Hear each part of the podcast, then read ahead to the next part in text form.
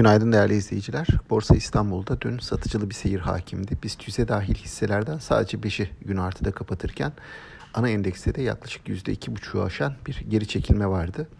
Sektörel bazda baktığımızda altın madenciliği, otomotiv, perakende ticareti, gıda ve telekom hisseleri e, özellikle satışların belirgin olduğu sektörler arasındaydı. Yine bankalar e, belirgin satış gören sektörler arasındaydı.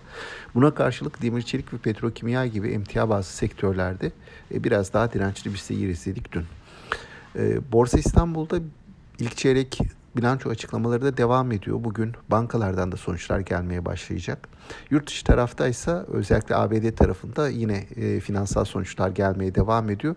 Orada banka sektörüne ilişkin e, endişeler e, endeksler üzerinde baskı oluşturuyor. Dün de ABD hisse senedi endekslerinde sert düşüşler gördük ancak bu sabah itibariyle hafif bir toparlanma var yurt dışı tarafta.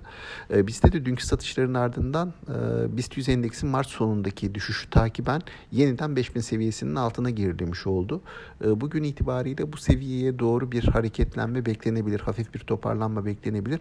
Ancak orta vadeli baktığımızda endeksteki bu satış baskısının ve yatay seyirin dar banttaki hareketin devam etmesini bekleriz. Sağlıklı, bol ve bereketli kazançlı günler diliyorum.